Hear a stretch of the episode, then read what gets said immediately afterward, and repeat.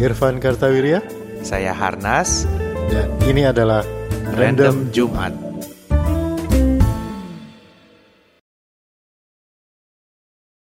Halo, Halo. apa kabar teman-teman semua? Iya. Selamat jumpa lagi di Random Jumat. Iya, Ya. sudah hari Jumat lagi. Artinya sudah mau weekend. Kalau yang Iya. istirahatnya weekend, selamat istirahat. Iya. Kalau yang istirahatnya bukan weekend, selamat bekerja. Iya, kemarin kita ada yang ngomong tuh, Kang nggak semua orang Sabtu Minggu istirahat katanya. Oh iya, ya benar juga. Kalau yang sip-sipan ya berarti Eh, selamat eh, bekerja. Selamat bekerja. Oke, balik lagi di Random Jumat ngobrolin sains dalam bahasa manusia. Iya. Nah, kali ini topiknya Kita seperti biasa ya, random Van ya. generator. Kita pakai random word generator dan ini sudah keluar temanya adalah sup. Sup. Ya, kita bahas belum pernah ya bahas sup. Belum. Belum pernah ya bahas sup ya. Soto pernah kayaknya. Kalau sop, Soto, juga pernah. belum ah.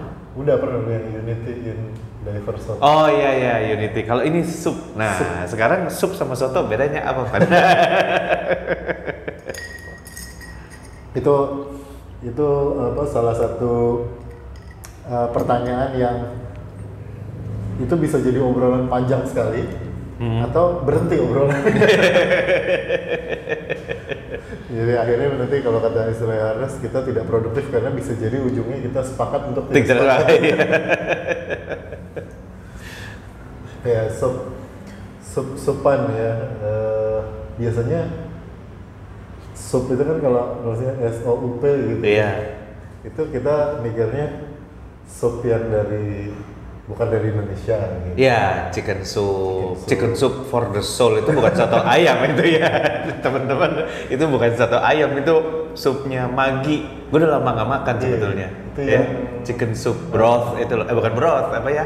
Ya chicken soup Iya. yang serbuk itu. Iya. Yang dari serbuk terus di diencerin jadi jadi sup gitu kan. itu chicken soup for the soul itu supnya yang itu maksudnya Iya, supnya yang itu, bukan soto ayam gitu. bukan sop klaten bukan Bukan, sok Pak Min, Iya, bukan. Karena bukan. kalau kalau chicken soup for the soul itu kan isinya sangat-sangat positif ya. Iya. Nah, kalau sop Klaten itu itu negatif semua. Kalau nggak Pak Min, Pak No. semua negatif. Pak Min, Pak No ya benar juga ya. Dan itu termasuk eh, apa namanya kedai sop itu ada yang cowok, ada yang cewek ya, Pak? Benar nggak sih? Gue belum pernah. Ada Pak Min, ada Pak No. Eh, Soto ayam kan Sop. di Pekalongan tapi kalau sop buntut itu rata-rata ibu loh. Ada Oh, Bu Leman, ibu ya? Pekalongan. Sop buntut yang di ibu. Bogor namanya Bu Bu siapa? Bu aduh lupa. Tapi ibu juga tuh yang di Bogor di tuh. mancur. Ya, terus kalau yang di Bandung itu kan sop buntut mengacu ke ini ya eh, nama tempatnya. Hmm. Apa tuh namanya? Yang di Cipaganti. Ya, spaghetti ya. Iya, yang terkenal tuh sop buntut. Jadi itu eh, macam-macam tuh. Tapi sop buntut ini saya gue mau eh, kayak mau ngobrol tentang salah satu kalau kita kan sekarang suka nyari kuliner ya Van ya. Misalnya Indonesia tuh mencari kuliner Indonesia tuh apa sih kuliner Indonesia tuh apa gitu. Di buku nasi goreng gua, kebetulan kaos gua juga nasi goreng ini tulisannya. Tuh, peace love and nasi goreng. Terima kasih Lydia Taunot yang udah ngeleng-ngelengin kaos ini ini dari Bali ya.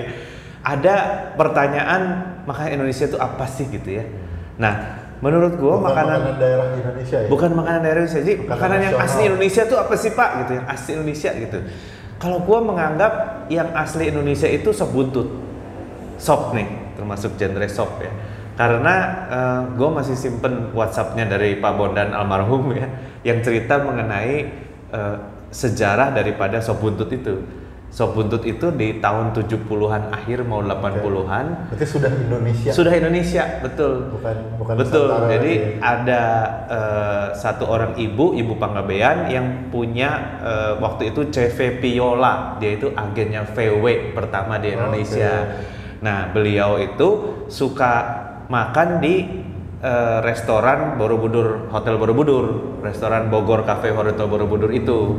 Nah, tapi dia suka pesen sop buntut itu dari restoran Padang di deket Jalan Menteng situ. Nah dia pesen sop buntutnya, sering se- pesen sop buntut, akhirnya dia ngomong lah, dikirim ke Bogor Cafe, ngomong lah sama chefnya, namanya Pak Sangit. Nah si Pak Sangit itu eh, bilang eh, si ibu ini bilang ke Pak Sangit bisa nggak bikinnya kayak gini akhirnya di recreate sama si Bogor Cafe lahirnya yang namanya sop buntut itu Sop buntut. dan menurut gitu. sop buntut Borobudur betul dan menurut gua itu promosi kuliner yang sangat berhasil karena kalau lihat di restoran-restoran semua sop yang menghasilkan pokoknya restoran sop ya yang paling mahal pasti sop buntut ya kan? Jadi biasanya makanan kuliner Indonesia itu kan paling murah gitu ya. Nasi goreng paling murah apa Iya. paling yang ini tuh langsung paling mahal gitu. Eh, dan sampai sekarang teman-teman kalau ke Bogor Cafe itu sama levelnya kayak kita cerita mengenai apa KFC pertama kali di Di Kentucky oleh Kolonel oh Oh, bukan yang di. Amerikanya iya. Yang di Amerikanya oleh Kolonel Sanders gini-gini. Ini kan ceritanya sama nih ya. Jadi sop buntut itu dan sop buntut itu nggak ada daerah yang bilang bahwa oh gua sop buntut mana?" khas mana? Enggak itu nenek moyangnya Padang tapi Pak Sangitnya ini orang Jawa kalau nggak salah. Jadi sama dia udah di twist kan ada agak kecapnya sedikit ya kalau yang versi Bogor Cafe itu agak coklat-coklat sedikit gitu. Jadi buat dia udah di twist supaya rasanya jadi cocok ke lidah Jawa karena konsumennya kan rata-rata oh, di situ kan orang Jawa. Iya. jadi eh, sop buntut itu menurut gua itu kuliner yang kuliner Indonesia ya kayak Singapura Sling gitu kan bisa di di track sejarahnya Hotel tahun segini ya. bartendernya namanya Ya. ini hotelnya namanya ini gitu kan Iya. nah ini juga bisa di sop buntut nih suatu saat Iya. bikin buntut buku tentang sop buntut kayaknya menarik juga ya Itu selevel sama ini ya berarti kentang Mustopa. tentang Mustopa itu Mustafa kan ceritanya dia katanya eh, adalah chef di Istana Kepresidenan Cipanas. Oh gitu Namanya Pak Mustopa. oh gua nggak tahu nih terus Jadi eh, Pak apa eh, Bung Karno dulu kalau ke Istana Cipanas itu suka dimasakin sayur lodeh sama kentang kering itu. Nah kentang kering itu kalau pesen kan jadi kayak eh, nanti saya minta tolong dimasakin sayur lodeh sama kentang yang itu apa itu namanya kentang bikinannya Pak Mustopa lah. Kita oh gitu akhirnya sampai kemudian dikenal dengan nama kentang Mustopa gitu. Oh gitu, gue baru tahu loh Pan. Gue gua agak heran kenapa itu disebut. Sebab kan kalau kentang itu kan istilahnya kentang dipotong julienne, Julienne. dipotong seperti korek api itu, itu namanya julienne ya. Terus digoreng pakai, maksudnya di prepare kayak sambal goreng kan. Hmm. Gue melihat itu sebagai sambal goreng kentang. Iya. Tapi pas lihat di Tokped banyaknya Mustafa, Mustafa gitu. Karena kalau kentang kan- kalau sambal goreng kentang kan basah, ini kan kering kan. Iya betul, ini kering betul, ini kering. Dan itu pakai sayur lodeh enak banget gitu. Iya, pakai sayur lodeh memang enak banget. Nanti bumbunya diffuse ke lodehnya gitu. Oh, Nah, gue jadi inget kantin di tempat kerja lu. kampus ya. Kentang Mustafa dan itu mantap. Bu Harto Bu ya. Harto. Ya betul. Teman-teman kalau lagi kalah, oh udah buka lagi belum sih? Udah. Udah ya? Oh, Oke, berarti next time kita siaran di situ. Ah, pengen makan lagi. itu adalah eh, kantin wartegan yang memegang kalender akademik kampus gua. Dia menyediakan jumlah porsi sesuai dengan kalender akademik. Lagi libur ya Pak, dikit aja bawahnya. Terus pagi-pagi eh, bidang akademik melaporkan jumlah mahasiswa baru itu ke Bu Harto. Bu, tahun depan mahasiswa naik ya gitu. Siap-siap nasinya ditambah gitu. Oh, gue jadi inget Pan, ada satu lagi ya.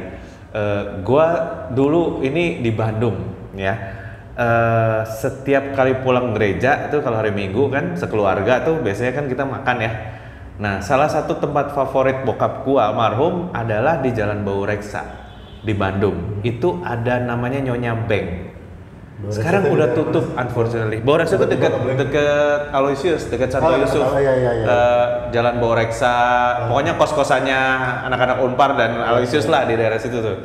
Di Jalan Bau Reksa. Bau Reksa itu lurus mentoknya Jonas Iya. iya. apa namanya tuh bawe eh, bukan bawean apa sih namanya ya Jonas Jalan Batik Jalan eh bukan itu cabang Jonas ya Jonasnya bukan yang iya. di pusat ya di Citarum betul nah Bau Reksa Nyonya Beng itu unfortunately tutup. Jadi restorannya di rumah aja gitu ya. Terus eh, eh, tahu petis telur masakannya tuh kayak masakan Jawa gitu.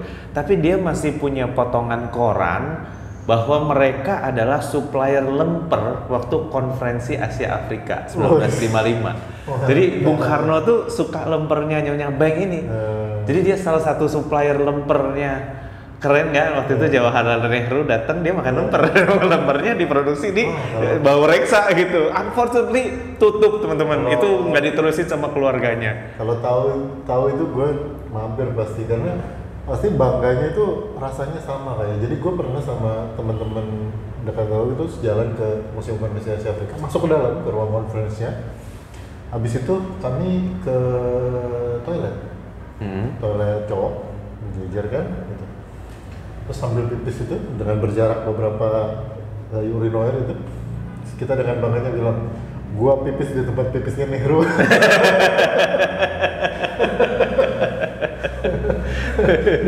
kan kalau kalian lihat suka lihat tuh ada ada iklan-iklan apa tambal ban atau apa suka ada apa Cristiano Ronaldo nambal ban di sini. Iya. Nah, pipis di tempat. Eh, Jawaharlal Nehru pernah pipis di sini gitu ya.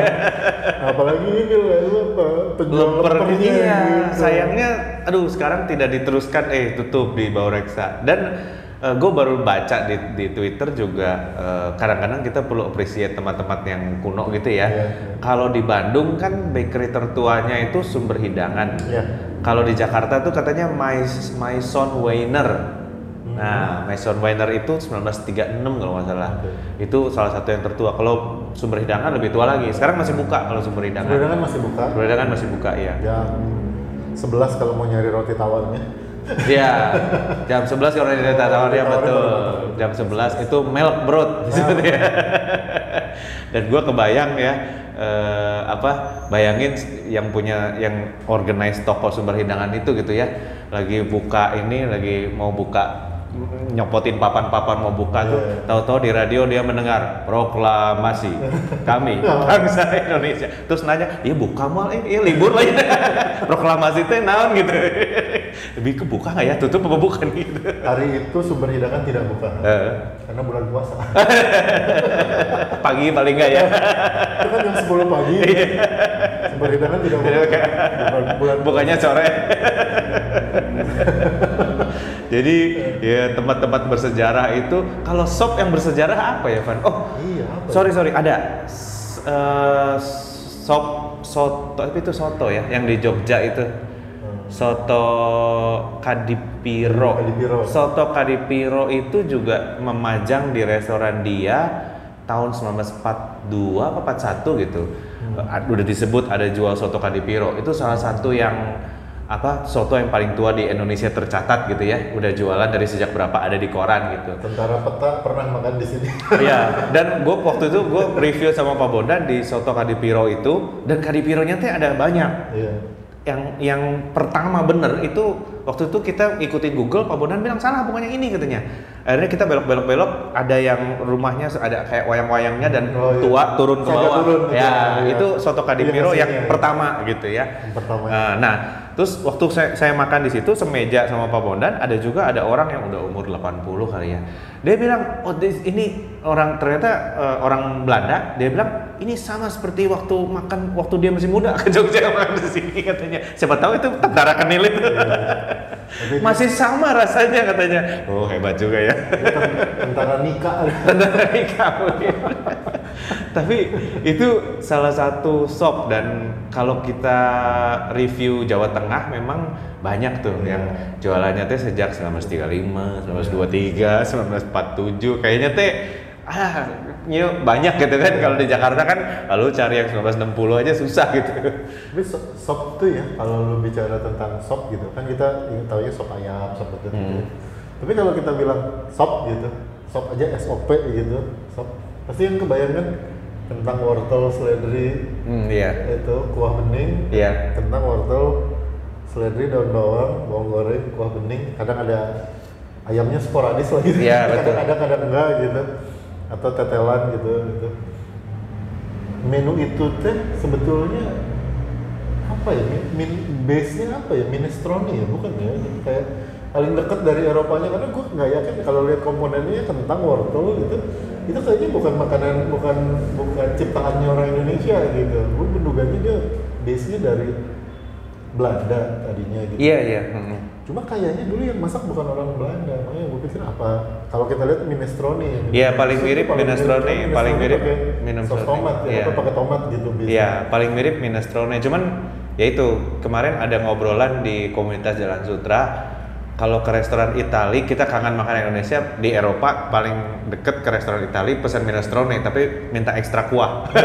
Karena yang namanya minestrone itu mangkoknya kecil dan ininya banyak kuahnya dikit gitu. Sementara kalau kita sop kan bayanginnya Kuahnya banyak. kuahnya banyak gitu ya. Nah, kalau menurut gua memang eh, sop itu Van adanya itu rata-rata di pusat kekuasaan gitu deket keraton Solo banyak tuh sop sare sop Iya, ini iya, sop iya. itu di Jogja kan ada keraton tuh Iya. sop sop sop tapi kalau di Pekalongan misalnya pesisir itu nggak ada sop soto semua Jakarta juga ada sop Betawi kan salah satunya sop iga Iya, itu kan sop ciri kaki khasnya sapi. Betawi kan sop kaki jadi sop-sop itu memang munculnya di pusat kekuasaan di mana orang niru makanan Belanda. orang Belandanya dia makan sop terus dia ikutan bikin Iya, gitu iya.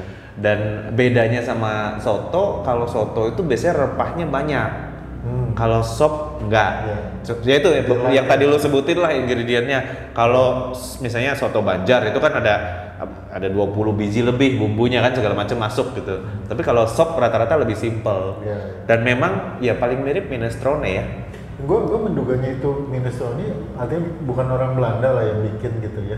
Karena gue pernah baca satu buku tentang eh, kedatangan orang tentara Belanda. Jadi gue lupa mungkin sekitar tahun sebelum tahun 1920-an. Hmm. eh, tentara Belanda itu dikirim ke Batavia dan itu pekerjaan bagus buat orang Belanda anak muda anak Iya. muda itu di Belandanya kan susah kerjaan tahun-tahun segitu jadi mereka kalau mau ya ngelamar jadi tentara tapi siap ditempatkan di Hindia Belanda iya dia jalan naik kapal eh, mendarat di Batavia ceritanya. Nah, terus dia itu orang Belanda anak mudanya orang Belanda. Terus dia berteman dengan orang Jerman sama satu lagi orang Spanyol apa apa gitu. Tentara Belanda juga gitu tapi orang bukan orang Belanda gitu. Terus tinggal di eh, asrama eh, tentara di sekitar eh, Gambir. Ya, sekitar situlah gitu Nah, terus dia cerita, wah di sini makanan mewah, dia bilang nggak kayak di Belanda makan susah, dia enak jadi tentara makan mewah sehari tiga kali, pagi makan roti pakai ini pakai ini, siang makan nasi pakai sop sama ayam goreng. oh. Nah, dia bilang sopnya ini atau sih sopnya ini wah kaldunya kaldu ayam terus pakai wortel pakai kentang pakai ini. Terus dia bilang tapi sebagai anak baru dia kan anak, anak baru junior dia tentara baru datang gitu junior. Dia dijailin sama senior seniornya dia bilang di tengah meja kami makan itu ada semangkok ramuan merah yang sangat berbahaya.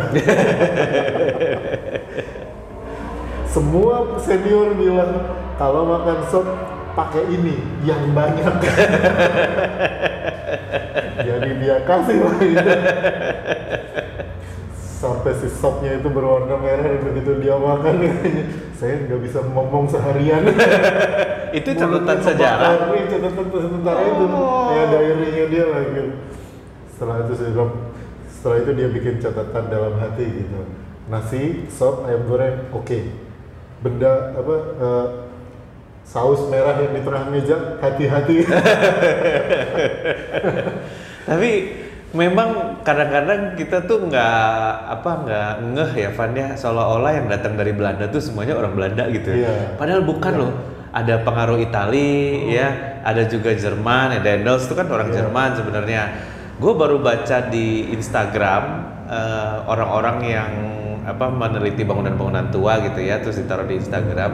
Ada keluar makam keluarga Itali di Bandung di daerah Pandu ternyata ada satu area yang diblok khusus untuk keluarga Itali itu ya keluarga Itali ini datang barengan nama orang Belanda gitu dan dia mendirikan pabrik pengolahan susu Hmm. namanya CV Baru Ajak oh baru Nah, aja. gue waktu Iya, kecil iya. langganan susunya dari pada baru aja gitu. Gue nggak tahu sekarang masih ada kayaknya. Iya, Tapi gue iya, mungkin lihat namanya, gue dari dulu tuh mikir ini kenapa nama namanya baru aja gitu ya.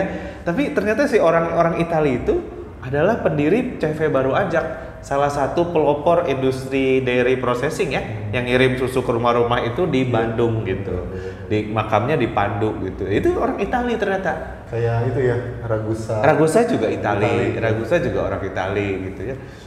Jadi banyak pengaruh Italinya dan sop-sop itu bisa- bisa jadi dari minestrone. Iya, dari minestrone apalagi kalau sop-sop yang Jawa Tengah itu kan lebih mirip lagi. Lebih mirip lagi dengan yang pakai pala ya kan? Kayak cangpolong. Iya betul, pakai kacang polong di eh, dan rata-rata apa ya komponennya itu memang kentang diiris-iris. Iya. Paling mirip itu Solo menurut gua. Iya. Yang apa ya eh, hidangan sop saren, sareh apa sareh? Hah? Senerek. Senerek ya betul betul, senerek. Itu dari bahasa Belanda apa gitu kan lupa gua. Itu eh, paling mirip dengan versi Eropa menurut gua, tapi ke- maksudnya versinya dikecilin gitu ya. Porsinya dikecilin gitu ya. Menarik. Kalau sop ultimate menurut gua yang apa eh, ultinya lah gitu. istilah gamenya ultinya sop itu menurut gua adalah sop kimlo bukan timlo ya Kimlo Kimlo. Solo. bukan kalau timlo solo kan? Kimlo Semarang. sop kimlo itu yang pakai sedap malam Iya, pakai jamur kuping Iya.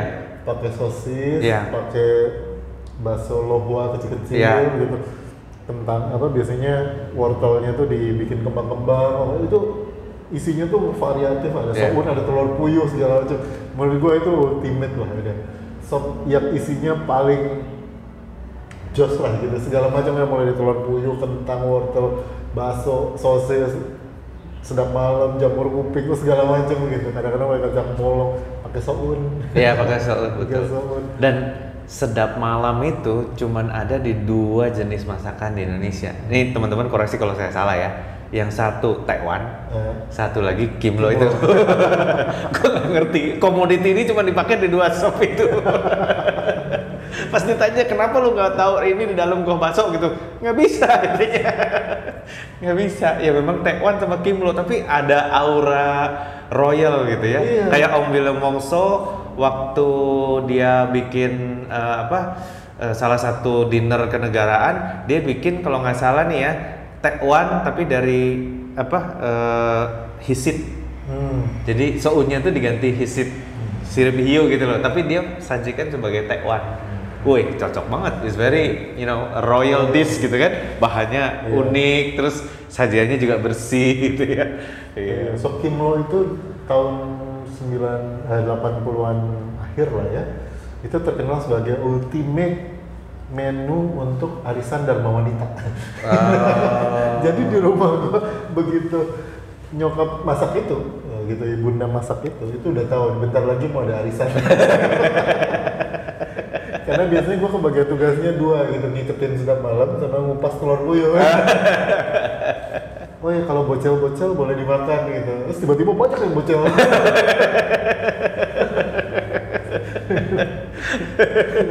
oh ya nggak boleh bocel ya telurnya ya. Telurnya harus mulus kan. Iya, harus Kalau yang mulus. bocel-bocel tuh dimakan aja boleh gitu. Oke. Wah ini bocel. Boleh dimakan. Iya, sop kimlo. Iya, sop gimana tuh nanti kalau kuahnya udah habis masih banyak isinya gitu. Bungkus pakai kulit lumpia terus Iya. digoreng. Oh. Dikeringin dibungkus pakai kulit lumpia terus digoreng gitu. Udah buat buat jadi cemilan gitu. Jadi isian sop sop kimlo itu karena ada ada sausnya kan. Iya. Jadi dia cukup bisa padat lah kalau di jadi kayak isian pastel. Iya, gitu. betul betul betul. Nyokap gue juga punya versi sopnya. Ya sebenarnya yang lu bilang lohua itu, Hmm. baksonya tuh dia bikin dari daging ayam, Hmm. Jamur kuping, daging ayam, soun, wortel. Hmm. Dibikin adonan jadi bulat-bulat gitu. Iya. Terus dibikin sop dari bakso lohua itu Oh. gitu. Itu juga kalau nyokap gua mau ada teman-temannya datang dia itu yang keluar sop sop itu yang keluar gitu. Iya. Tapi sekarang udah Kalau lama juga. nggak tahu bakso lohua googling aja. Iya, googling aja. Gue sendiri nggak tahu, nyokap gue nggak nyebut itu lohua namanya, tapi ya itu masakan dia aja gitu. Gue juga baru tahu namanya loho baru-baru. Iya, iya, iya kan, itu kan ya memang bakso aja Itu gitu bakso kan, aja gitu. bakso ayam aja Iya. gitu. Memang dia bikin aja. Nyokap gue itu belajar dari eh, tantenya yang orang Banjar. hmm. Jadi teknik lohwa itu tuh di daerah situ tuh, di daerah Banjar, Ciamis, Garut, Tasik tuh, daerah situ makanya bakso lohwa itu. Ada temen yang misalnya dari situ juga dia tahu tahu bakso seperti itu gitu. Nah itu yang ngajarin dia, terus pindah ke Austria si tantenya ini udah lama gitu. Lu udah lama nggak ke kampus ya? Di kantin? Hah? Ada yang jual? Ada yang jual ya? Selain Bu Harto ya. Jadi gue mesti lebih variasi, jangan kentang mustafa mulu. Ini nanti kapan-kapan kita explore lah ya kantin kampus gue. oh, ngomong-ngomong ya, eh, sop nih ya, sop. Eh, kalau teman-teman yang ada kerja di Sudirman Tamrin, Hmm. itu itu kan banyak kantin-kantin di gedung ya, Iya. kantin karyawannya nih. Iya. Nah, coba masuk ke sana karena banyak kantin-kantin itu dipegang oleh orang Betawi, Hmm. sopnya enak-enak, sop iga. Sop daging ya. Ya, sop daging, sop daging, sop iga menurut gue itu kuliner Betawi yang underrated. Iya. Orang taunya soto Betawi gitu kan. Tapi sebenarnya sop iga itu salah satu hidangan kuliner Betawi itu. Iya. Eh, di menara eh, BII ya, menara Plaza Sinarmas tuh, Tower Sinarmas, itu ada kantin yang jual sop iga Betawi. Nah, teman-teman coba boleh coba ke situ. Murah meriah, ya kan? Eh, ya tempatnya sih ya ala kadarnya lah ya karena dia di tempat parkiran. Tapi itu eh, sopnya tuh enak dan kuahnya tuh biasanya mantep tuh karena rebusan tulang Oh, kan. iya. Gitu. Sop iga ya. Jadi kalian yang bekerja di sana ya masih jomblo-jomblo ya sedang mencari tulang rusuk yang hilang. Iya. Itu kan agak susah. Nyari iga aja lah. Tukang sop banyak kan. Kalau nggak cari coba pacarnya dibawa ke situ supaya siap buat hidup susah katanya. Tapi bukan berarti nggak enak gitu ya. Mencari itu bedanya rusuk sama iga ya. Oke, teman-teman punya pengalaman tentang sop atau saya punya kedai sop nih. Kita jualan Ah, sop dari nenek moyang. Nah, boleh silakan ditulis di komen ya. Eh, sementara itu jangan lupa like and subscribe dan Iya. nyalakan notifikasi supaya kalau ada video baru bisa dapat eh, informasinya. Ya tetap sehat semuanya ya. Masih harus sedikit waspada kita di luar. Pakai masker, semprot-semprot, vaksin booster juga. Eh, sehat terus. Jadi kita bisa ketemu lagi di episode random Jumat berikutnya. Bye. Bye.